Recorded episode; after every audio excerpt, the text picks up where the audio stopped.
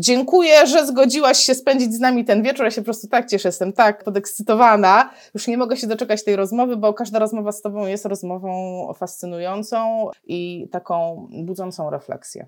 Dziękuję za zaproszenie, Asiu, i wszystkich serdecznie witam. Nie widzę, ale liczę na to, że będziecie aktywni i że ta rozmowa będzie miała faktycznie taki pewien trochę charakter dyskusji później. Też mam taką nadzieję, także zachęcam Was do pisania na czacie. Ja czat widzę, on mi się troszeczkę z opóźnieniem pojawia, ale nie ma problemu, także jak coś się pojawi takiego, co będzie pasowało do tematu, to będę podpytywać Monikę od razu. Jeżeli będą jakieś pytania, które nie będą pasowały do tego, co będziemy mówić w danym momencie, to po prostu y, ja sobie zapamiętuję takie pytanie i zadaję je później. Wiesz co? Ja czytałam, próbowałam e, ogarnąć e, wszystkie Twoje referencje, żeby Cię tak bardzo prawilnie przedstawić. I to, wiesz co, no czasu nie starczy, ale praktycznie w każdej rzeczy, którą robisz, pojawia się sport pojawia się konsultantka do spraw sportu, specjalistka, jeśli chodzi o rehabilitację sportową, zwłaszcza w dziedzinie piłki nożnej, tak? Dobrze, dobrze, dobrze mówię. Na uczelni też sport, tak? Wszędzie ten sport. No tak, wiesz co, powiem Ci tak, dużo czasu mi zajęło, żeby w życiu robić rzeczy, którymi naprawdę chcę się zajmować. I potem się okazuje, że jeżeli moment taki nastąpi, to wszystko się łatwo, prosto wokół tego takiego wewnętrznego ja układa. E, w związku z tym mnie sporo czasu kosztowało dojście do tej ścieżki, uświadomienie sobie tego, czego faktycznie chcę robić. Ja siebie najczęściej przedstawiam w ten sposób, że jestem de facto byłą piłkarką. I to mnie w jakiś sposób kształtuje. Mm, to jest tak, że jak dostajesz coś od życia, a ja dostałam wielkie wsparcie, wielką taką, coś, co bym nazwała takim siostrzanym porozumieniem, właśnie od tej grupy ludzi, osób, moich koleżanek, kolegów, z którymi gdzieś tam kiedyś funkcjonowałam, pracowałam, to teraz dokładnie jest tak, że chcesz tego samego dla innych, pewnego e, rodzaju takiej, takiego oddania z siebie, tak? I tak, dokładnie ten sport, w szczególności piłka nożna kobiet, o dziwo budzi to również e, dobre konotacje u wielu innych osób, więc tym bardzo się cieszę. Czy masz takie poczucie, że trzeba być e, na jakimś etapie sportowcem, żeby zająć się fizjoterapią sportową? Wiesz co, nie wiem, czy trzeba być sportowcem. Natomiast niewątpliwie jest tak, że bycie sportowcem pozwala zrozumieć pewne hmm, niuanse, szczegóły. To jest tak trochę jakby, nie wiem, porównać to do pewnych kręgów, tak? Zawsze jest tak, że środowisko nazwijmy to, w którym funkcjonujesz w pewien sposób się kształtuje. Jeżeli jesteś w nim od samego początku, znasz właściwie cały proces rozwoju, bo to chyba też jest ciekawe.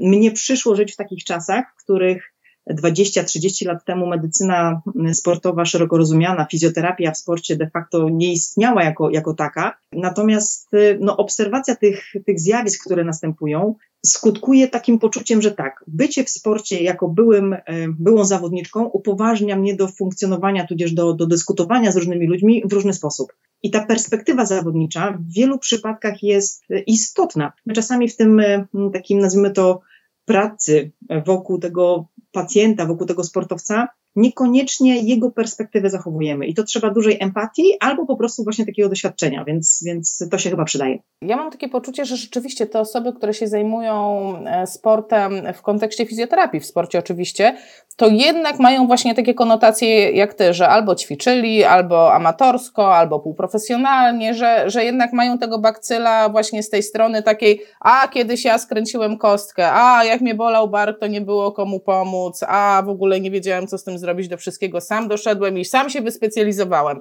I ja dążę do tego, czy ty się czujesz specjalistką.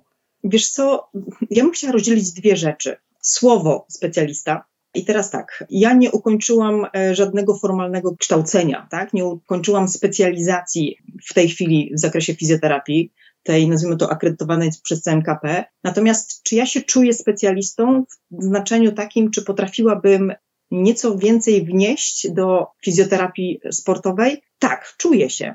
To jest duża odpowiedzialność, to zdanie, ale tak, e, czuję się. No to powiedz mi, mm, co sprawia, że się czujesz? No bo tak, nie skończyłaś specjalizacji, nie skończyłaś kursów. No oczywiście zakładam, że poświęciłaś na to ten przysłowiowy pierdyliard godzin, żeby, no żeby wiedzieć, co robisz. Jakby jak to się zaczęło? No bo ja rozumiem, że z jednej strony bycie zawodnikiem, z drugiej strony jakieś własne problemy, które rozwiązujesz pewnie na początku. Strzelam, nie, nie mam pojęcia, czy tak było. Strzelam, że taka ścieżka po prostu powtarza się u wielu osób. Jak to, jak to było u Ciebie? I to znowu, wiesz, trochę praktyki, trochę teorii, wszystkiego razem. E, ja myślę, że takim krokiem e, kluczowym w mojej ścieżce, e, w tej ścieżce nazwijmy to rozwoju w obszarze fizjoterapii sportowej, był moment, kiedy doznałam uszkodzenia pod tytułem zerwanie więzadła krzyżowego przedniego i oczywiście już wiedziałam, że już nigdy więcej nie będę w stanie właściwie zagrać. Nigdy więcej już nie będę w stanie trzymać moich koleżanek za rękę i słyszeć, wiesz, razem granego hymnu. I wtedy do człowieka dochodzi taki moment, y, hmm, trzeba zmienić swoją perspektywę, trzeba nadać temu życiu jakiś inny sens. I tak chyba się zdarzyło w moim przypadku. Ta kontuzja nieszczęsna albo szczęsna, bo to wiesz, wszystko się dzieje w życiu po coś, jak się okazuje, mm, była takim powodem, dla którego ja musiałam zmienić nieco swoje nastawienie. Już chyba nie byłam związana tylko i wyłącznie ze sportem w takim układzie tylko i wyłącznie myśli, że w tym sporcie i wokół tego sportu będę funkcjonować jako zawodniczka, jako, nie wiem, osoba, która osiągnie jakieś e, mistrzostwo świata co najmniej, no bo z takimi, wiesz, ambicjami się do sportu idzie, tak? Zielonka. E, natomiast tamten moment spowodował, że trzeba było się zastanowić, no co należy w życiu zrobić, żeby jednak w tym sporcie, mm, przy tym sporcie zostać, tak? I tak to było w moim przypadku. Uszkodzenie, które niestety skutkowało zakończeniem kariery, e, również dało taką przestrzeń na to, żeby się rozwijać w obszarze wokół sportu nieco bardziej naukowo. W chwili obecnej mm, to jest tak, że mogłabym powiedzieć, że ta moja historia z drugiej strony na to patrząc, czyli tak bardziej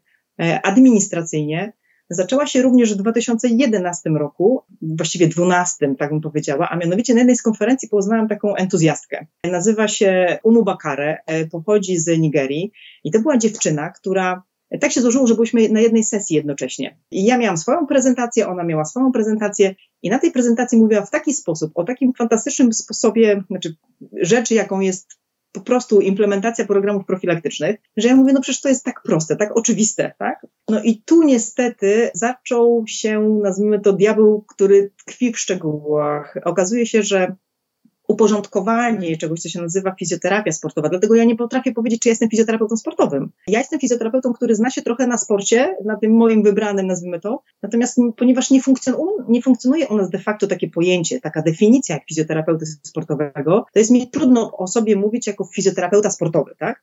I wtedy właśnie w rozmowie z UMU to tak wszystko wybrzmiało ten entuzjazm, tak, no róbmy, róbmy, róbmy, porządkujmy, porządkujmy i nagle się okazało, że no jest wiele do zrobienia, jest wiele do uporządkowania i to był też taki mój porządek, początek w kontekście pewnej odpowiedzialności za, za to, co w tej Polsce mogłoby być w obszarze właśnie fizjoterapii w sporcie. A tak sobie myślę, wiesz co, cały czas tak mi tkwi w głowie, ja nigdy nie myślałam o tym od tej strony, że uraz w sporcie, taki permanentny, wykluczający cię z drużyny, no to to jest ten moment, już nigdy nie stanę z nimi, nigdy nie wysłucham hymnu, po prostu dla mnie to jest, no, to ja mam ciarki, jak tego słucham każda sytuacja taka zdrowotna, w której staje na szali coś, co się nazywa przyszłość, no jest naprawdę, powiedziałabym, wstrząsająca. Ja powiem więcej. Mm, ja ubolewam najbardziej nad tym, że minęło 20-30 lat, a ja nadal widzę takie sytuacje, że młode zawodniczki muszą organizować jakąś, nazwijmy to, zrzutkę na Facebooku albo na innych e, portalach społecznościowych, właśnie po to, żeby móc sobie zafundować operację, która pozwoli tej zawodniczce w jakikolwiek sposób dalej funkcjonować. I wiecie, to są takie osobiste tragedie, które naprawdę mocno zmieniają postrzeganie. Ja pamiętam takie kontakty, czasami tak się zdarza, po moich jakichś takich, nie wiem, wystąpieniach, prelekcjach, podchodziły do mnie jedna, dwie osoby ze łzami w oczach. I one mówiły, pani doktor, no ja właściwie w taką ścieżkę przechodziłam, tak? To, to są moje problemy, to są moje kłopoty, to jest moja rzeczywistość. Nikt mi nie powiedział, nikt mi nie uświadomił, nikt mi nie wskazał. Natomiast no, trzeba chyba sobie z tym umieć jakoś radzić i znaleźć taką przestrzeń, bo uważam, że mm, wszystko dzieje się w życiu po coś. Jeżeli nadamy tym naszym przeżyciom jakiś sens, jeżeli odkryjemy ten sens w tych przeżyciach, to mówię, każdy ma tak unikalne zasoby, że jest w stanie tą swoją energię przekierować na zupełnie co innego i być może jakoś znowu do tego sportu po prostu wrócić. Mam takie, znowu mam dwie refleksje. Jedna taka, że e, wszystko zaczyna się gdzieś od wiedzy i w ogóle od informacji, że w ogóle coś jest możliwe.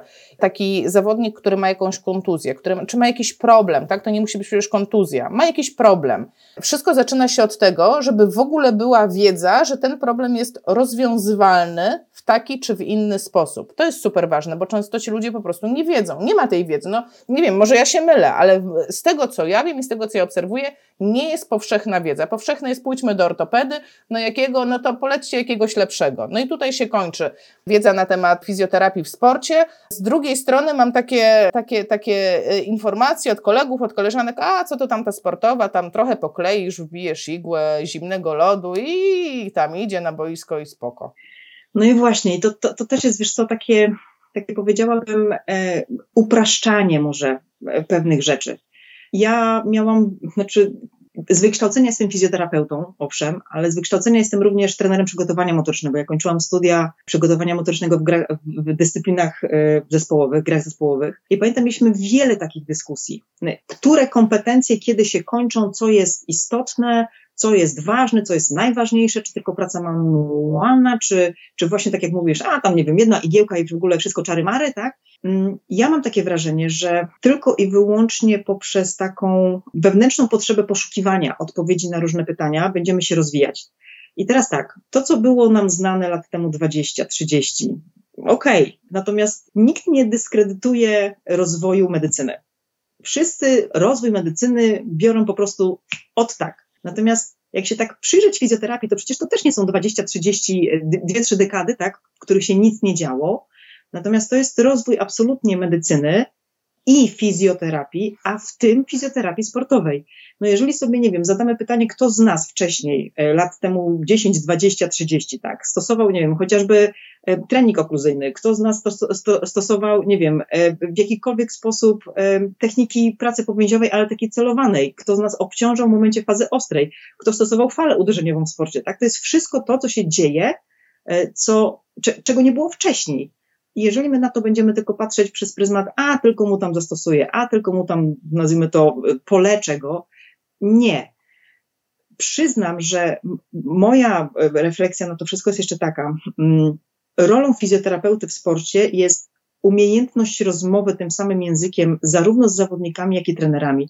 Więc jeżeli ja swojej wiedzy nie uzupełnię o ten cały aspekt związany z treningą, z teorią treningu, e, z teorią sportu, to może być mi trudno. I tutaj wiele osób w tych dyskusjach się też przejawia taki, taki, taki właśnie informacja czy, czy, czy znak zapytania, na przykład kto powinien prowadzić trening motoryczny. Mm, I o ile ja bym zostawiła aspekty treningu motorycznego trenerom przygotowania motorycznego, bo też nie możemy e, stwierdzić, że słuchajcie, oni się nie rozwijają, oni się nie kształcą, oni zrobili ogromną robotę, tak? E, oni w swoim rozwoju jestem przekonana, zrobili ogromny krok, ale jednocześnie to nie jest tak, że fizjoterapeuta nie powinien mieć dokładnie podobnych kompetencji po to, żeby wiedzieć, w którym momencie mogę uzupełnić jeszcze pewnymi rzeczami, pewnymi, pewną, pewną koncepcją postępowania z pacjentem, ten okres, w którym trener przygotowania motorycznego może niekoniecznie jest tak dostępny, tak, tak, tak oczywisty, tak? E, pamiętajmy, że sport to jest oprócz tego procenta, jakim jest sport na poziomie profesjonalnym, 99% dotyczy sportu, nazwijmy to amatorskiego, tak? Więc jeżeli mm, nie będziemy mieć tej wiedzy, to tym bardziej będziemy mm, no, niekoniecznie optymalnie e, pozwalać czy, czy, czy, czy, czy pracować z naszym pacjentem, i e, umożliwiać mu powrót do sportu w, takim, w takich warunkach dla niego bezpiecznych, optymalnych, bo nasza praca nie kończy się tylko i wyłącznie na tym etapie, nazwijmy to, funkcjonalnego przygotowania, tak? Nasza praca musi pójść krok dalej do tego przygotowania sport specific, jak to mówią w języku angielskim. I też gdzieś tam wybrzmiała taka dyskusja, jakieś komentarze, a no może za chwilę będziemy mówili na przykład o fizjoterapii tylko piłki nożnej, tak? Ja nie wiem, ale jeżeli jest już takie pojęcie, które funkcjonuje na Zachodzie i które nazywa się football medicine, no to jestem w stanie sobie wyobrazić, że za 2-3 lata właśnie ta specyfika pewnych obciążeń, treningu, wymagań tego, tej dyscypliny, danej dyscypliny, tak, to się na tyle będzie zawężało, że będziemy musieli pe o pewnych rzeczach się po prostu w miarę e, wnikania, wgłębiania i poszerzania tych naszych kompetencji po prostu wczytywać i, i kształcić. No. no ale nie masz takiego poczucia, że to znowu sprowadza się do tego, do tej wiedzy. No bo na przykład ja, jako Janna Tokarska, ja mam prawo się nie znać na fizjoterapii sportowej. Nigdy nie byłam ani w sporcie jako zawodnik, nigdy się tym nie interesowałam, nie miałam tego na studiach, no po prostu, no, no nie, nie wiem nic na ten temat. Wiem, że jak ktoś skręci kostkę, to, że już nie wkładamy gips, tak? Pewnie bym tam jakieś, nie wiem, procedury zastosowała innej niż mnie uczono na studiach, czy innej niż przychodzili do mnie pacjenci ze szpitala na tą rehabilitację, taką babcie, które rzeczywiście skręciły tą kostkę. Ok? Ale gdyby nie to, że wiem, że istnieje coś więcej, no to w ogóle jakby nie ma, nie ma o czym ze mną rozmawiać. Jakby rozumiesz o, o co chodzi, że jeżeli chcemy podjąć dyskusję na jakiś temat, jaki by to nie był temat, teraz akurat rozmawiamy o sporcie, no to jeżeli nie mamy takiej wiedzy, że chociażby, słuchajcie, na, na świecie to się robi to, to, to, to i to, to się nazywa tak, tak, tak i tak, ja mogę tego nie umieć, ale ja przynajmniej wiem, że to istnieje. Rozumiesz, że nie możesz rozmawiać o czymś, co ty nie wiesz, że to, nie jest, że, to istnieje, albo jeszcze gorzej, jeżeli jesteś przekonana, że ty wiesz wszystko. No to, to, to się można powiesz, e, po prostu uderzyć w pierś i zastanowić, czy już jestem w centrum mojego centrum i gdzie jest to centrum, które się na moim centrum kończy, tak? No tak wiesz, no trochę, trochę e, przewracając to pytanie, czy przestawiając to pytanie, jeżeli zawsze w życiu będę uważała i wychodziła z założenia, że ja już wiem wszystko, e, no to, no to, to jest chyba początek końca. E, tak jak powiedziałam, kontakt w 2012 roku mi otworzył oczy. E, I to nie w kontekście, hmm, nie wiem, technik, możliwości, bo uważam, że mm, ci, co w tym sporcie funkcjonują, to są naprawdę absolutnie im tutaj cześć trzeba oddać, dobrze przygotowani ludzie. Ale nam to, tak mi się wydaje, to czego nam brakuje, to takiej refleksji pod tytułem uporządkowanie tego wszystkiego. To, co w tej chwili obserwuję, to takie, wiesz, trochę sobie, mm, ja sobie, ty sobie, my sobie i każdy jakąś taką mini, nie wiem co, przestrzeń, specjalizację, e, szkolenie, e, kursik tworzy, no i już się nazywa fizjoterapeutą sportowym. A mm, no, być może nie wszyscy zdajemy sobie sprawę z tego, że de facto e, na świecie to ta specjalność już funkcjonuje od wielu, wielu lat. I de facto to, co powinniśmy zrobić w Polsce, no to uporządkować standardy kształcenia, przełożyć pewne dobre praktyki, zaimplementować to na tyle, żeby nie zapominać o tych, którzy już w tym systemie są, e, bo łatwo jest powiedzieć, dobra, mm, ja wiem, tak? No, no, mogę powiedzieć, że jako Monika Gregorowicz wiem. No tylko co z tego, gdybym dzisiaj powiedziała, słuchajcie, e, jako pełnomocnik prezesa KIF-u do spraw fizjoterapii w sporcie mówię, że liczy się to, to i to.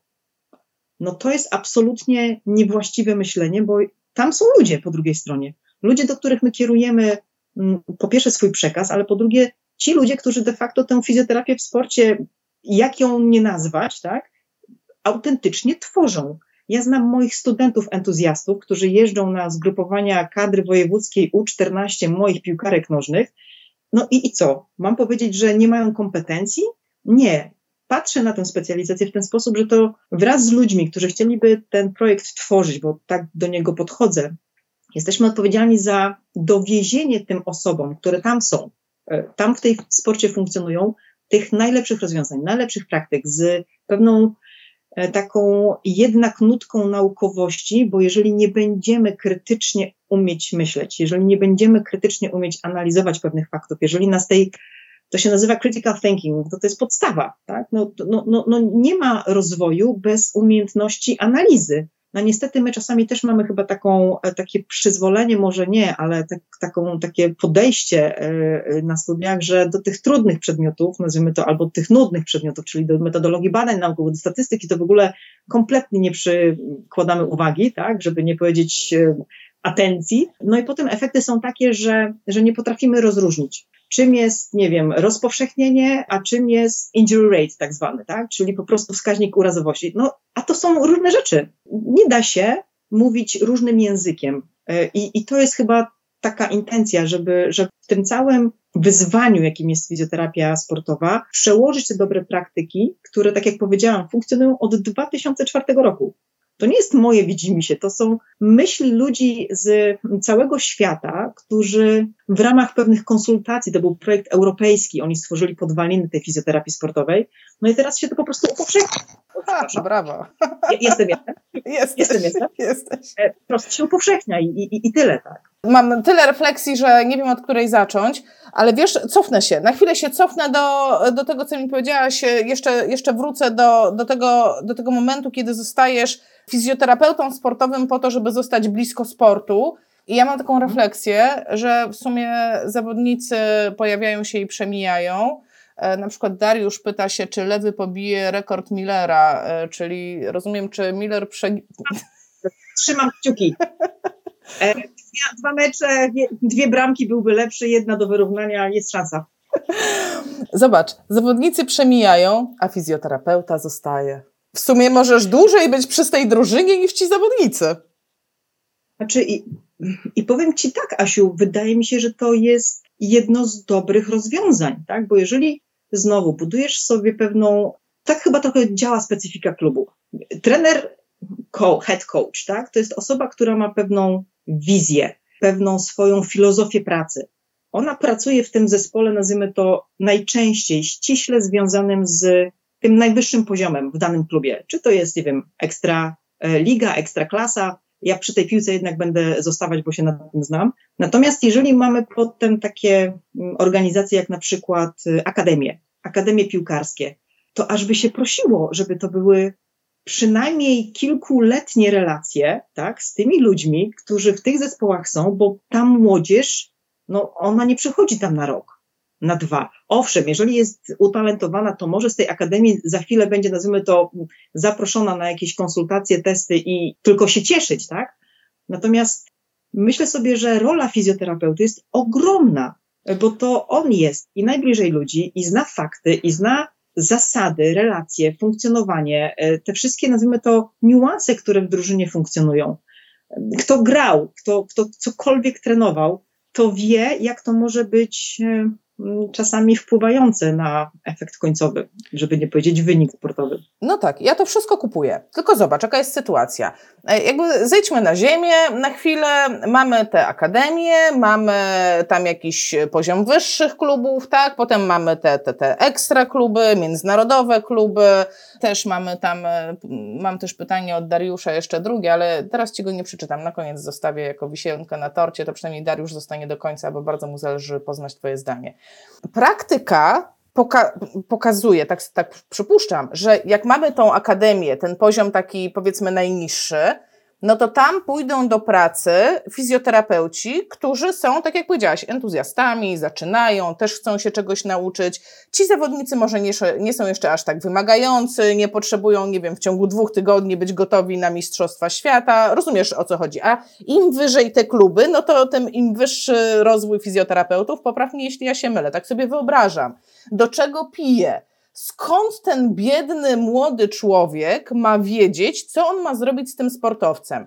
I ja miałam takie pytanie zapisane, wiesz, zapisałam sobie, wiesz co, bo mnie na studiach nie uczyli nic o sporcie, ale jak powiedziałaś, że od 2004 roku dopiero e, tak naprawdę coś na świecie wiemy na ten temat, e, to ja czuję się usprawiedliwiona, bo ja studia 2002 kończyłam i absolutnie w tym momencie nie mam żalu. Dobra, wtedy nikt nic nie wiedział. No ale skąd ci biedni ludzie mają to wiedzieć?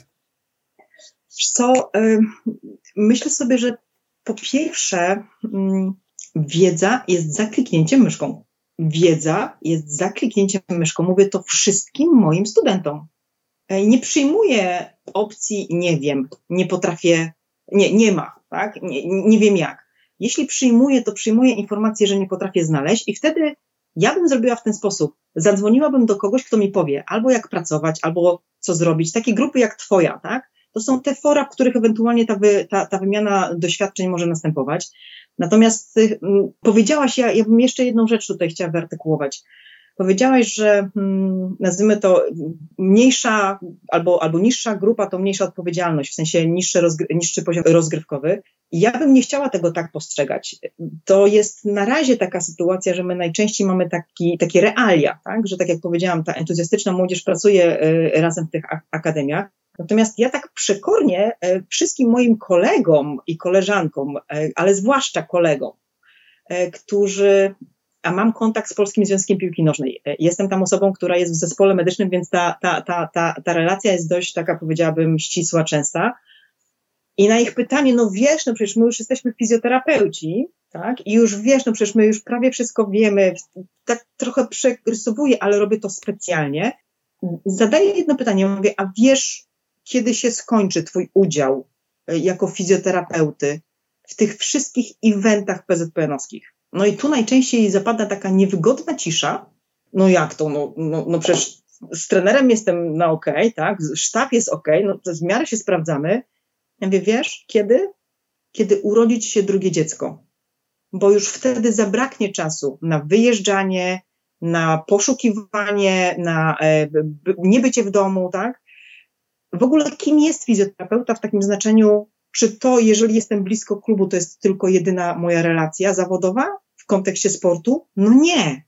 Właśnie o to chodzi, że my czasami postrzegamy tę fizjoterapię sportową jako tylko i wyłącznie relację pomiędzy klubem, y, związkiem sportowym, tak?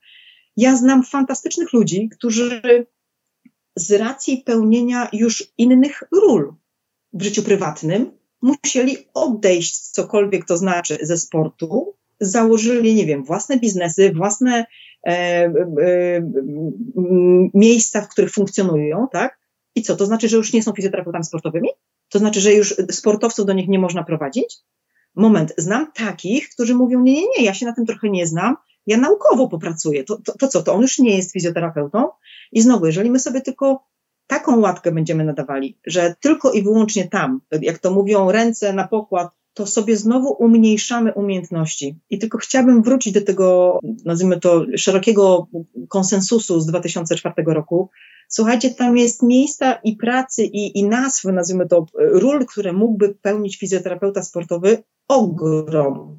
Od tej osoby, która faktycznie jest odpowiedzialna za planowanie, prowadzenie terapii, za planowanie treningów, obciążeń, zarejestrowanie, monitoring, ale po takich, którzy na przykład nagle wymyślili jakiś hmm, produkt i próbują go w tych warunkach sportowych, nazwijmy to metodologicznie, zweryfikować, tak? To co, to, to, to już nie jest sport?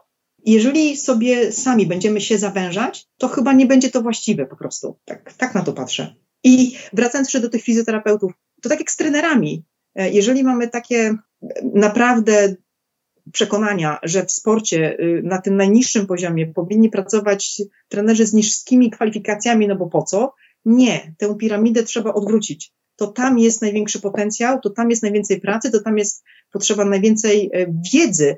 I to nie tylko takiej, nazwijmy to, stricte sportowej, czy stricte fizjoterapeutycznej, ale właśnie szerokie takie kompetencje.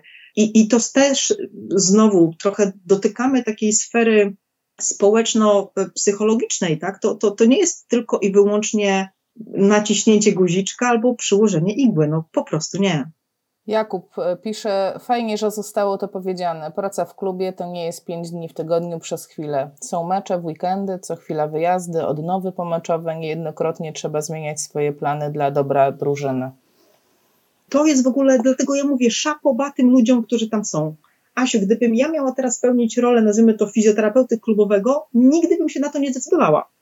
Moje życie, moje plany, moje miejsce, w którym jestem, mm, ja już nie chcę takiej pracy. Ja znam realia i już nie chcę takiej pracy, tak? Dokonuję w swoim życiu pewnych wyborów.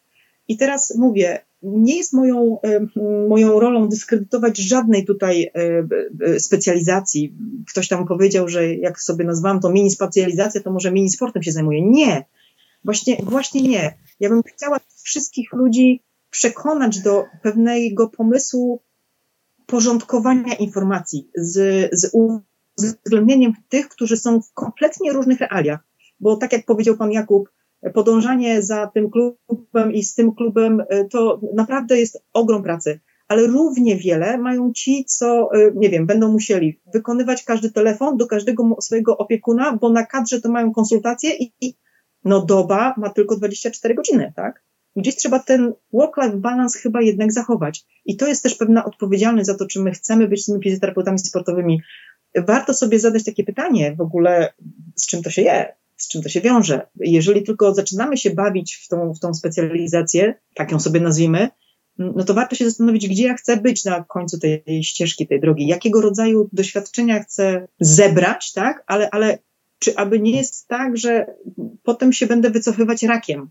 E, myślę sobie, że taka świadomość tego wszystkiego to, to też jest pewna rola odpowiedzialności. Nie? Wiesz, muszę Cię zapytać o to, po prostu muszę Cię zapytać, bo powiedziałaś, że pracujesz też w PZPN-ie, pełnisz tam e, funkcje, rozumiem, że szanują Cię, jesteś szanowana w PZPN-ie.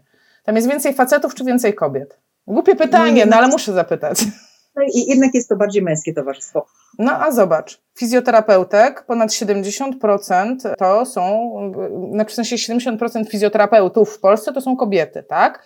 Więc e, i ja, ja tak wspominam troszeczkę takie wydarzenie u mnie w social mediach, gdzie e, z jakichś tam powodów, nieważne, na Instagramie dostałam multum, naprawdę multum, kilkadziesiąt wiadomości takich skarżących się. Aśka, strasznie chciałam pracować w sporcie, ale nie dali mi szansy udowadniali mi, że jestem słabsza, jestem beznadziejna, ja się nie nadaję do tego, e, nie wpuszczano mnie do szatni, zwłaszcza męskiej, byłam persona non grata absolutnie i tak sobie zadaję pytanie, e, czy ty masz, czy spotkałaś się z czymś takim, z dyskryminacją kobiet? Znaczy wiesz co, e, znam taką historię i ja bym nie chciała przytaczać tutaj szczegółowych faktów. O dziwo nie zdarzyło się to w piłce nożnej, natomiast znam bezpośrednio taką sytuację, że właściwie na tym najwyższym poziomie, takim nazwijmy to e, przy kadrze, tak, mm, była taka historia, że w pewnym momencie nie wybrano, e, albo inaczej, no nie powierzono roli e, fizjoterapeutki pierwszej drużyny mm, kobiecie, właśnie ze względu na takie fakty, tak, ale jednocześnie, słuchajcie, i, i, i tutaj muszę, bo, bo sobie nie, nie daruję, tak, Klaudia Kowalska to jest e, taka moja serdeczna znajoma e, i ja ją pamiętam z wielu kwestii, między innymi dlatego, że dzięki niej jestem fizjoterapeutą, bo to tak się w życiu czasami dzieje, że ktoś ci wyznacza pewne kierunki i, i tak się dzieje. Natomiast z drugiej strony tak się składa, że jestem mamą chrzestną jej córki. I ona z tą malusieńką córką jeździła na zgrupowanie kadry właśnie siatkarzy, która i, i, właściwie nie było tam żadnych problemów, tak? Więc to jest tylko i wyłącznie kwestia mentalności, nastawienia. Ja powiem w ten sposób: jest wiele badań, wiele badań, które mówią o tym, że dopuszczenie kobiet do tego szerokiego stołu, w którym toczy się rozmowa, podejmowane są dyskusje, wpływa dobrze na organizację. Tylko tyle i aż tyle. I to są badania zarówno ze strony, nie wiem, marketingu, zarządzania, sportu, tak? Mm, powiem Wam, że sama też mam czasami jeszcze takie obiekcje, czy ja powinnam czegoś tam, nie wiem, pomyśleć, albo nie, nie. I chwytam się jeszcze ja, że kobiecie nie wypada. Że gdzieś mam taką refleksję, że być może jeszcze niewiele wiem, być może jeszcze za mało wiem. I znowu, y, to nie są moje źródła, tylko źródła y, wieloletnich obserwacji, które cytuję, że mężczyźni dokładnie do tych samych ról, pełniąc te same role, no, często mają niekoniecznie takie same kwalifikacje jak my, że to my mamy ten problem z. Imposter syndrom. Takiej, takiej, takiej odwagi, tak? I, i Asiu, no, no, no mogę tylko powiedzieć tyle, że chyba potrzeba nam również takiego gremium wspierania się, e, nazwijmy to tych, tych, tych szeroko rozumianych, e, e, siostrzanych, takich, takich networkingowych relacji, właśnie po to, żeby, okej, okay, nawet jeśli masz trudniejszy dzień, to, to, to nie daj się, po prostu się nie daj, tak? Niekoniecznie płeć powinna decydować i to jest moja refleksja również, bo liczą się kompetencje. I to uwaga, moim zdaniem znowu, nie liczą się kompetencje twarde, bo wiedzę to najszybciej można uzupełnić liczy się empatia, liczy się to, co, co, co w życiu jest najważniejsze, czyli, nie wiem, umiejętność aktywnego słuchania, to, co sport kształtuje najbardziej, czyli odpowiedzialność za grupę, trochę cofnięcie tego, tego własnej, własnego nosa, tak? To, to, no, pycha z drogi spycha. Więc jeżeli ja mam w sobie coś, co się nazywa umiejętność współpracy szeroko pojętej dla dobra jeszcze czegoś nadrzędnego, no to to są chyba takie, takie cechy, które w życiu w ogóle nas ratują. Tak, tak mi się wydaje, no, jako ludzi. Zdecydowanie. Ja chciałam tylko podkreślić, że to nie jest problem, który ja sobie wymyśliłam, czy to jest problem, który ty sobie wymyśliłaś, czy myśmy coś spotkały, akurat takie coś nas e, trafiło. E, nie wiem, czy wypatrzyłaś na kongresie e, World Physiotherapy, tym ostatnim, online'owym, była cała sesja poświęcona równouprawnieniu kobiet właśnie w fizjoterapii sportowej i to Brazylijki prowadziły.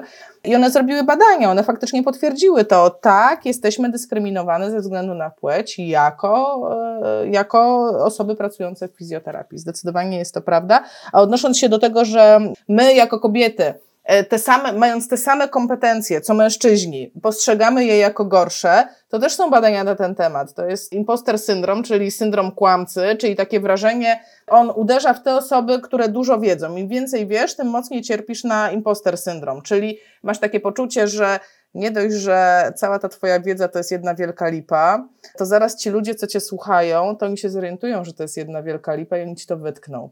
I my, e, jako kobiety, mamy ten syndrom zdecydowanie mocniej mm, zaznaczony niż mężczyźni. Mężczyźni mają mniej takich problemów, że powiedzą coś i tłum im wytknie. Słuchaj, a ja mam taki. Ja no optymizmem na nowe pokolenia, tak? I to jest dla mnie taka, taka, mm, no wszystko się dzieje po coś, wszystko potrzebuje swoich, nie wiem, czasu, procesów, e, lat może czasami, ale, ale powoli, powoli kropla drąży skały. No. Zdecydowanie. tak to trzeba postrzegać. Wiesz co, ja pamiętam, że kiedyś rozmawiałyśmy na temat podstawy programowej generalnie na uczelniach i wtedy powiedziałaś mi rzecz, której ja w ogóle nie miałam świadomości, że taka rzecz istnieje, że uczelnia może sobie o pewnym procencie zajęć zdecydować sama. Czyli na przykład, nie wiem, taki AWF Warszawa może sobie podjąć decyzję, hmm, ile tam jest tam, nie wiem, jakoś procentowo to jest, tak, że, że, że ileś procentowo tej, e, te, te, tego programu e, taka uczelnia może sobie sama ułożyć, a gdyby tak uczelnie zaczęły sobie układać e, i tworzyły takie wydziały, a właśnie u nas będzie wydział sportowy, bo my te nasze dowolne jednostki przeznaczamy na sport. I tak naprawdę te specjalizacje mogłyby się tworzyć już od początku. Już od tego najniższego, jakby idąc na studia, ja już mogłabym pójść tak jak w liceum do klasy na biolchem, to ja mogłabym sobie pójść e, na fizjoterapię, sport, fizjoterapia neuro, fizjoterapia orto. Asiu, i tu jest, i tu jest, tak bym powiedziała, duży potencjał, który chyba warto wykorzystać. Ja troszeczkę jeszcze wrócę dalej, e, właściwie wcześniej, bo mówiłyśmy o tym, o tym etapie, kiedy mm, jako taki w Europie się ten status fizjoterapeuty sportowego kształtował, e, pewne definicje, pewne właśnie zakres kompetencji, odpowiedzialności i uwaga, to co jest najważniejsze, ścieżka kształcenia. I teraz tak, żeby na przykład w ogóle móc mówić o sobie fizjoterapeuta sportowy, no to jest tylko kwestia tego, z kim się mierzysz, tak? No ja mogę powiedzieć o sobie, że jestem fizjoterapeuta sportowy, ale chyba niekoniecznie jestem fizjoterapeutą sportowy, jak już wyjadę na przykład, nie wiem, do Niemiec. Hmm? I to jest ten cały problem. I teraz tak, jeśli ja patrzę, a tak bym chciała patrzeć na to, y, że dla mnie w ogóle powodem zajęcia się fizjoterapią sportową było nadanie pewnej kompetencji, takiej rozpoznawalności, temu człowiekowi, który w tym sporcie chce e, pracować. Nie wiem, wymyślmy sobie, że, że, że ktoś chce wyjechać na zachód i faktycznie na nim funkcjonować. No to zaczęłam się zastanawiać w ogóle, jak to funkcjonuje, tak? No i jak sama powiedziałaś, największą organizacją zrzeszającą wszystkie, może nie wszystkie, bo może są jeszcze jakieś kraje, nazwijmy to trzeciego świata, które do nich nie należą, ale największa organizacja, która zrzesza większość reprezentantów danych krajów, to jest World Physiotherapy. I tam jest oczywiście coś, co się nazywa subgrupa sportu, i oczywiście tam jest informacja, że żeby w ogóle mówić o pewnej rozpoznawalności, to uwaga, dany kraj musi przedstawić ścieżkę kształcenia. No i tu się robi ząg, bo co kraj to obyczaj, i ja już nie mówię o krajach zewnętrznych, tylko mówię o krajach wewnętrznych pod tytułem co uczelnia, to własne wytyczne, co kurs, to własne treści, co szkolenie, to nie wiem, własne informacje, tak? w tej chwili na studiach, i mówię to jako osoba, która współuczestniczy w procesie, przynajmniej na Uniwersytecie Medycznym, e, planowania takiego ramowego planu studiów czy programu studiów. W tej chwili każda z uczelni ma coś, co się nazywa 30 punktów ECTS-u w ramach tak zwanej autorskiej uczelni, autorskiej oferty, przepraszam.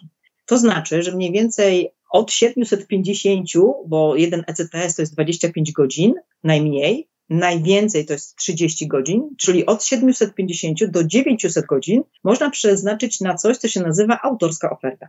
To dużo. Co więcej, 900 godzin to dużo. Z tej autorskiej oferty ponieważ to czasami tak funkcjonuje i tu trzeba oddać, e, nazwijmy to, pewne realia, tak? że są uczelnie, które mają bardziej charakter medyczny, są uczelnie, które bardziej mają charakter sportowy, są uczelnie, które mają, nie wiem, jeszcze bardziej inny charakter, w związku z tym ta autorska oferta może być ciut inna, ale tej autorskiej ofercie 15 punktów ECTS już jest w formie zajęć fakultatywnych. I teraz ja mogę sobie wyobrazić, ja naprawdę mogę sobie wyobrazić, że na gruncie tych zajęć fakultatywnych robimy coś, co się nazywa siatka godzin ze sportu. Kto chce, to realizuje.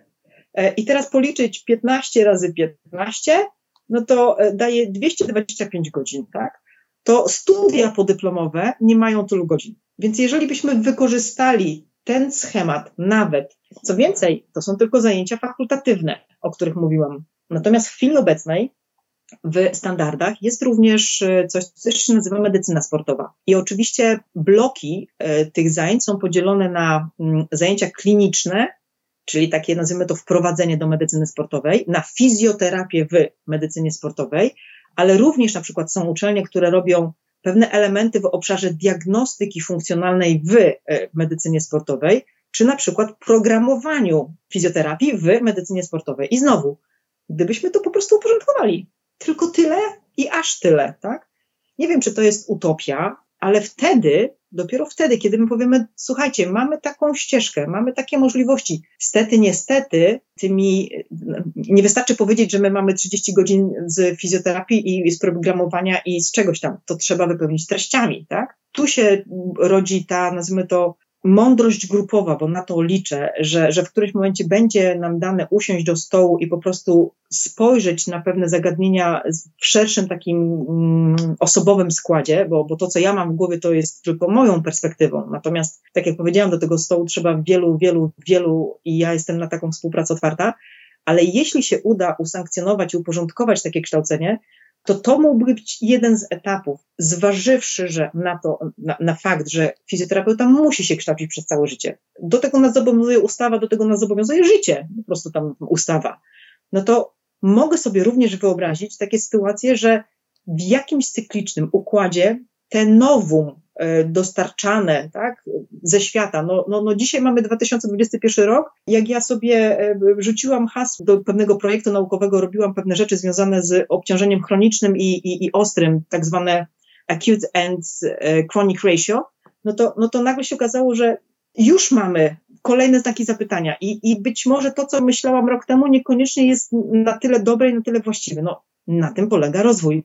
Więc korzystając z pewnych zasobów uczelnianych, możemy przygotować pewną uporządkowaną strukturę kształcenia podyplomowego i pokazać to jako mamy certyfikat, mamy glejt, mamy porządek, nadajcie nam rozpoznawalność, tak? No to chyba na tym mogłoby polegać. Wiesz, tutaj e, Mirek napisał, uczelnia to nie jest dobre miejsce na specjalizację w ramach 30%. Specjalizacja to coś ekstra, oparta na doświadczeniu i doskonaleniu ponad standard. Owszem, można nakreślić, przybliżyć pewne zagadnienia, ale jeszcze jest za szybko, by mówić tu o specjalizacji. A ja bym to porównała właśnie do tych liceów, gdzie jednak wybierasz sobie w wieku tam, nie wiem, 14 lat, ja idę na biolchem, ja idę na matwis, a ja idę tam, nie wiem, na dziennikarski, i to nie jest Twoja specjalizacja, bo wszyscy kończą tą samą maturę i uczelnie też wszyscy skończą z tym samym dyplomem fizjoterapeuty, ale lizną e, sportu. Ja powiem, na, na, na, na to pytanie mogę tylko powiedzieć tyle. E, na Zachodzie to wręcz już dąży się do wypuszczenia na poziomie magistra kogoś, kto się nazywa Sport Physical Therapist. I teraz no, nie da się tego wszystkiego zrobić w ciągu, w ciągu chwili e, u nas, tak? Natomiast ja, wiesz, to, to, to, to czy to jest czy to jest pewna mm, specyfika? Pewnie tak, ale Asiu, pokaż mi studenta, który na trzecim roku nie wie, że nie chce pracować z osobami 80. Plus. Pokaż mi studenta, który nie wie, że nie chce pracować z dziećmi. Pokaż mi studenta, który nie wie, że nie lubi zajęć z pulmonologii i pulmonologia to dla niego jest nie tak, ale chciałby w sporcie. I teraz wiesz, od chcenia do realizacji to jest absolutnie długa ścieżka. Natomiast myślę sobie, że uczelnia mogłaby być inicjatorem pewnych rozwiązań, które wpisywałyby się w pewien schemat. Pełna zgoda, że to nie jest jedyne miejsce. Pamiętajmy również o tym, że jeżeli chcielibyśmy uporządkować pewne rzeczy, to tak jak powiedziałam, Ja muszę pamiętać na przykład o moich kolegach, koleżankach, które kończyły, nie wiem, 20 lat temu studia, tak? Dziękuję, dziękuję. I, i, i co? I dzisiaj już nie? nie? Nie są fizjoterapeutami sportowymi? Marcin pisze, że on bardzo nie chciał w sporcie. No. Ale Marcin jest w neurologii. Ale wiesz co? Ja tak patrzę na ten Twój pomysł z perspektywy osoby, która od początku chciała tą neurologię, już na studiach coś mnie kręciło w tych pacjentach neurologicznych. Ja bym na przykład była wdzięczna, gdybym miała zapewnioną przynajmniej dostępność takiej ścieżki. Tylko organizacyjnie wyobrażam sobie, że to jest, że to jest trudne zapewnić zajęcia fakultatywne dla różnych grup osób, bo my tutaj mówimy o sporcie, a gdzieś tam jest przecież tak, neurologia, ortopedia, pulmonologia, pediatria, e, nie wiem, co tam jeszcze może być, geriatria, tak? To są wszystko dziedziny, tak naprawdę, gdzie, gdzie te ścieżki, gdzie e, za chwilę każda osoba e, chcąca reprezentować Polskę w podgrupie WP powie hello, ale no, tu jest też moja ścieżka, tak? A gdzie moja ścieżka? A gdzie ja jestem w tym wszystkim? Ja, ja, no zgoda, natomiast y, organizacja procesów jest czymś dalszym. Nie uruchomi się specjalizacja na danym uniwersytecie, na, danym, na danej Akademii Wychowania Fizycznego, jeśli nie spełni warunków organizacyjnych danej jednostki. I tyle w tym temacie. Natomiast jeżeli ktoś chce i od początku ma możliwość, w ogóle, wiesz, no to jest pewna, znowu, świadomy wybór, tak? Jeżeli wyjdziemy z założenia, że możemy nadać temu dobry sznyt międzynarodowy, no to, no to, to nie. To ja jestem z tych, którzy chcieliby taką rozpoznawalność y, y, mieć. Dla mnie, dla mnie, dla mnie, wiesz co, to, to jest przywilej y, ścierać się nie tylko z moimi kolegami, koleżankami tu na miejscu, ale też jednak nabywać tej międzynarodowej perspektywy. I to nie jest kwestia naszych kompetencji, ale to jest kwestia takich zawodowych, to jest kwestia, że patrzysz na liderów i, i przesiąkasz pewnym sposobem myślenia, e, sposobem zachowania. Więc jeśli miałabym, tak mi się wydaje, e, kogoś do czegoś namawiać, to namawiałabym wszystkich do tego, żeby spróbowali jednak e, no, wyjść poza pewne ramy tej naszej tylko i wyłącznie polskiej rzeczywistości, właśnie po to, żeby nabyć trochę innej perspektywy. Ja mogę tylko jeszcze w tym miejscu powiedzieć jedną rzecz, która, która może jest trochę poza tematem, ale powiem tak. W procesie rekrutacji na uczelnię w Anglii e, jest taki śmieszny element, ja go tak nazywam przewrotnie śmiesznym, bo tak to jest tam, nie wiem, dwu, trzystronicowa e, list motywacyjny, który petent musi napisać, kandydat na studia, i żeby w tym liście, nazwijmy to, wyartykułować, dlaczego akurat chcę podjąć e, studia na tym kierunku, na danej uczelni. Jak opowiadam wszystkim o tym, e, to mówią, no dobra, dobra, ale przecież to, coś się tam napisze. No i właśnie to jest ten problem, tak? My mamy taką niestety tendencję, a coś tam się napisze, a coś tam się, wiesz, e, wykombinuje. Na zachodzie pewna, pewne porządkowanie jest, powiedziałabym, no płynie z pewnymi latami doświadczeń, dziesiątkami tych lat, tak? I być może jest tak, że nam ten porządek by się przydał. E, to się chociażby w nauce teraz mocno e, pokazuje. Dostajemy takiego, kolokwialnie mówiąc, psztyczka w nos, bo nie dbaliśmy o procedury, nie rejestrowaliśmy badań, nie do końca wiedzieliśmy, jak się taką rejestrację badań klinicznych prowadzi, kto jest za co odpowiedzialny, jak z ubezpieczeniem, więc porządkować e, jest czasem warto. Jakbyś miała tak na koniec popuścić wodze fantazji e, i e, taki wyobrazić sobie, jakby wyglądał Twój idealny program kształcenia, w sensie, co by się wydarzyło na uczelni, tak, żeby finalnie takim produktem końcowym takiej całej ścieżki, nazwijmy to specjalizacji w fizjoterapii. No to jesteś teraz ministrem e, od wszystkiego. Jesteś ministrem edukacji, ministrem zdrowia, po prostu jesteś, masz ministra wszystkiego. I co powiesz, tak będzie. Finalnie masz wyprodukować fizjoterapeutę takiego, którego FC Barcelona przyjmie po prostu z otwartymi rękami i powie, no wiadomo, no jak on z Polski, to w ogóle nie pytamy, no ma wszystko, co trzeba to co by to musiało być? To oczywiście muszą być kompetencje mm, zawodowe, które w tym sporcie są konieczne, ale bardziej jest to kwestia tego, Ja, ja, gdybym miała teraz tworzyć fizjoterapię sportową w Polsce, tak, to tak jak powiedziałam, wszystko musi być dla ludzi. E, rzeczy, które ja mam w głowie, muszą być zweryfikowane przez możliwość ich implementacji. Jeżeli ja sobie teraz wyobrażę, że okej, okay, no to robimy ABCD, cztery kursy, bo, bo tak musi być, bo ja tak mówię, to po pierwsze, jakie ja mam prawo do tego? Po drugie, no moment, kto mnie nadał takie kompetencje, żeby tak decydować? No tylko dlatego, że jestem ministrem? No chyba niekoniecznie. Ale jeśli zrobię coś, co się nazywa, nie wiem, analiza sytuacji, głęboka analiza potrzeb, to nagle się okaże, że być może ja niewiele muszę robić. Być może tylko dać tym ludziom pewną taką dozę mm, odwagi do tego, żeby do tych różnych krajów, różnych klubów po prostu chcieli jechać. Pomijając to kwestię mm, rozpoznawalności kompetencji w sensie Unii Europejskiej, bo, bo tam są pewne procesy, tak? To, to my musimy tutaj zastanowić się, no okej, okay, jak mamy zadbać o siebie? E, dobrzy fizjoterapeuci sobie poradzą e, i ich trzeba pokazywać jako liderów. Tak uważam, tak? I teraz moim, moją perspektywą jest zróbmy tak, żeby zadbać w tym systemie o wszystkich. E, nie chcę, aby to było zero-jedynkowe, bo ktoś tak uważa, bo ktoś tak ma, bo ktoś, nie wiem, coś powiedział, tak?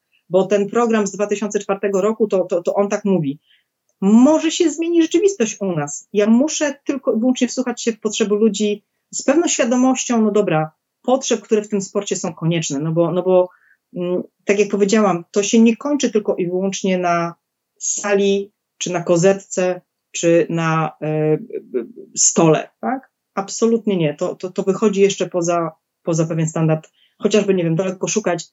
Y, czy my w Polsce wiemy, jak y, wstrząsienia mózgu rejestrować? Jak, jakie, jakie notować? Jakie naukowo weryfikować? No, no właśnie, tak? A, a są już na to standardy. Po prostu warto, warto, warto pewne dobre praktyki przekładać. Natomiast to musi być zrobione z pewną wrażliwością, tak mi się wydaje, bo, bo, bo nie możemy zgubić w systemie tych, którzy tam już są. My musimy, znaczy ja czuję to w ten sposób, że jestem odpowiedzialna. Dobra, ja mam wiedzę, no i co z tego? Moją rolą jest zadbanie o to, aby Jaś Kowalski z Pcimia Dolnego, który sobie skręci nogę, miał taką opiekę, która będzie na najwyższym poziomie. I teraz pytanie, jak to zrobić? Jak to zrobić? Bo takich Jasiów Kowalskich jest od groma. Ludzie do mnie dzwonią i mówią, Monika to, Monika tamto, tu mam problem, z tym mam problem. Uświadamianie rodziców, trenerów, szkolenie i, i, i podnoszenie kompetencji tych takich miękkich y, samych fizjoterapeutów. Tak? No, no, tyle. Tyle, tyle. Z jednej strony to, co powiedziałaś, zabrzmiało, mm, taki, taki ja miałam odbiór tego, że wszystko, co potrzeba, to mamy już w sobie. Taka pierwsza rzecz, że jakby początek już jest. Z drugiej strony ta wiedza, wiedza, wiedza. Wiesz, ja mam taki materiał na YouTubie nagrany, e, trzy najlepsze kursy dla fizjoterapeutów. Po prostu nagrałam, zrobiłam ranking. Na pierwszym miejscu jest kurs języka angielskiego. Bo... No to, to już, no, to już pamiętam.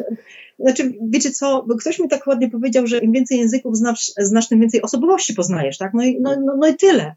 E, znowu, nie da się w pewnych sytuacjach e, tych absolutnie intymnych e, zbudować takiej relacji, jeżeli ja nie komunikuję się z ludźmi w języku, no, ich nim, kolokwialnie mówiąc, tak?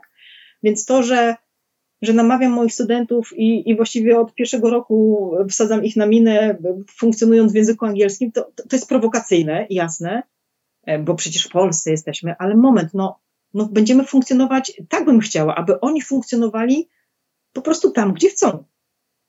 Tam, gdzie chcą. Tak. I to jest, to jest ból. Sama pamiętam pierwsze swoje próby czytania artykułów po angielsku, to było straszne. Słuchajcie, ja was rozumiem. Ja was rozumiem, ale powiem tak, po dziesiątym już się robi lżej, a e, profesor Zajfryd e, miał takie swoje powiedzenie, najgorsze jest pierwsze 10 tysięcy przypadków, potem już jakoś idzie. Więc tego się będzie, będę trzymać. I na koniec jest pytanie od Dariusza. Mamy finalne pytanie od Dariusza. Finalne. Pytanie do Moniki. Kto wygra Ligę Mistrzów? Chelsea czy City? I komu kibicujesz? Chelsea. No. I ty masz... A to dlatego, że ten 2012 rok to właśnie było na stadionie Chelsea. Ja mam taką osobistą, e, hmm, no, no, no tak, no, no tak, niebiescy.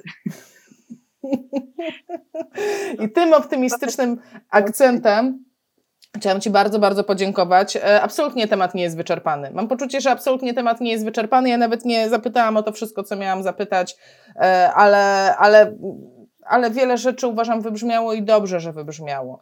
Na czacie pojawiło się też więcej refleksji, więcej takich praktycznych e, pytań, czemu na przykład nie, nie analizujemy e, urazów gwiazd. To też by było super. Takie, e, takie, wiesz, tak jak są kanały fryzjerskie i ktoś siedzi i komentuje, jak druga osoba jest obcięta, to taki, wiesz, fizjoterapeuta komentujący, co tam mu się zrobiło i jakby to leczyć. To by było fajne. Super. Ja jeszcze tylko, jeśli mogę, jeżeli po drugiej stronie jest ktoś, kto, nazwijmy to, chciałby dołożyć to, to, to absolutnie proszę o kontakt, bo, bo tak jak powiedziałam, ja gram w piłkę, to jest gra drużynowa i ja wiem, co to znaczy zespół. Są ludzie do różnych ról stworzeni i naprawdę mm, tylko teamwork nas, że tak powiem, mm, wzbogaca i, i, i razem możemy więcej. No, tak, razem możemy więcej. Takie hasło jest u Moniki na Facebooku. I co, żeby trafić do tej wiedzy trzeba i żeby w ogóle zacząć coś tworzyć, trzeba wyjść poza strefę swojego komfortu. Nie? To Zdecydowanie. Jest tak. istotne. Mamy, taki, mamy nawet grafikę dla Was na koniec. Uwaga, wrzucam tą grafikę. W drodze do gwiazd, słuchajcie, zawsze, zawsze trzeba przekroczyć jakąś barierę e, i no daj Boże, niech ta rozmowa pozwoli Wam tę barierę przekroczyć. Monika, bardzo dziękuję. Było mi bardzo miło. Również, Asiu, serdecznie. bardzo, Wszystkiego bardzo. dobrego, a z Wami do zobaczenia w przyszłym tygodniu. Do pa. zobaczenia. Pozdrawiam.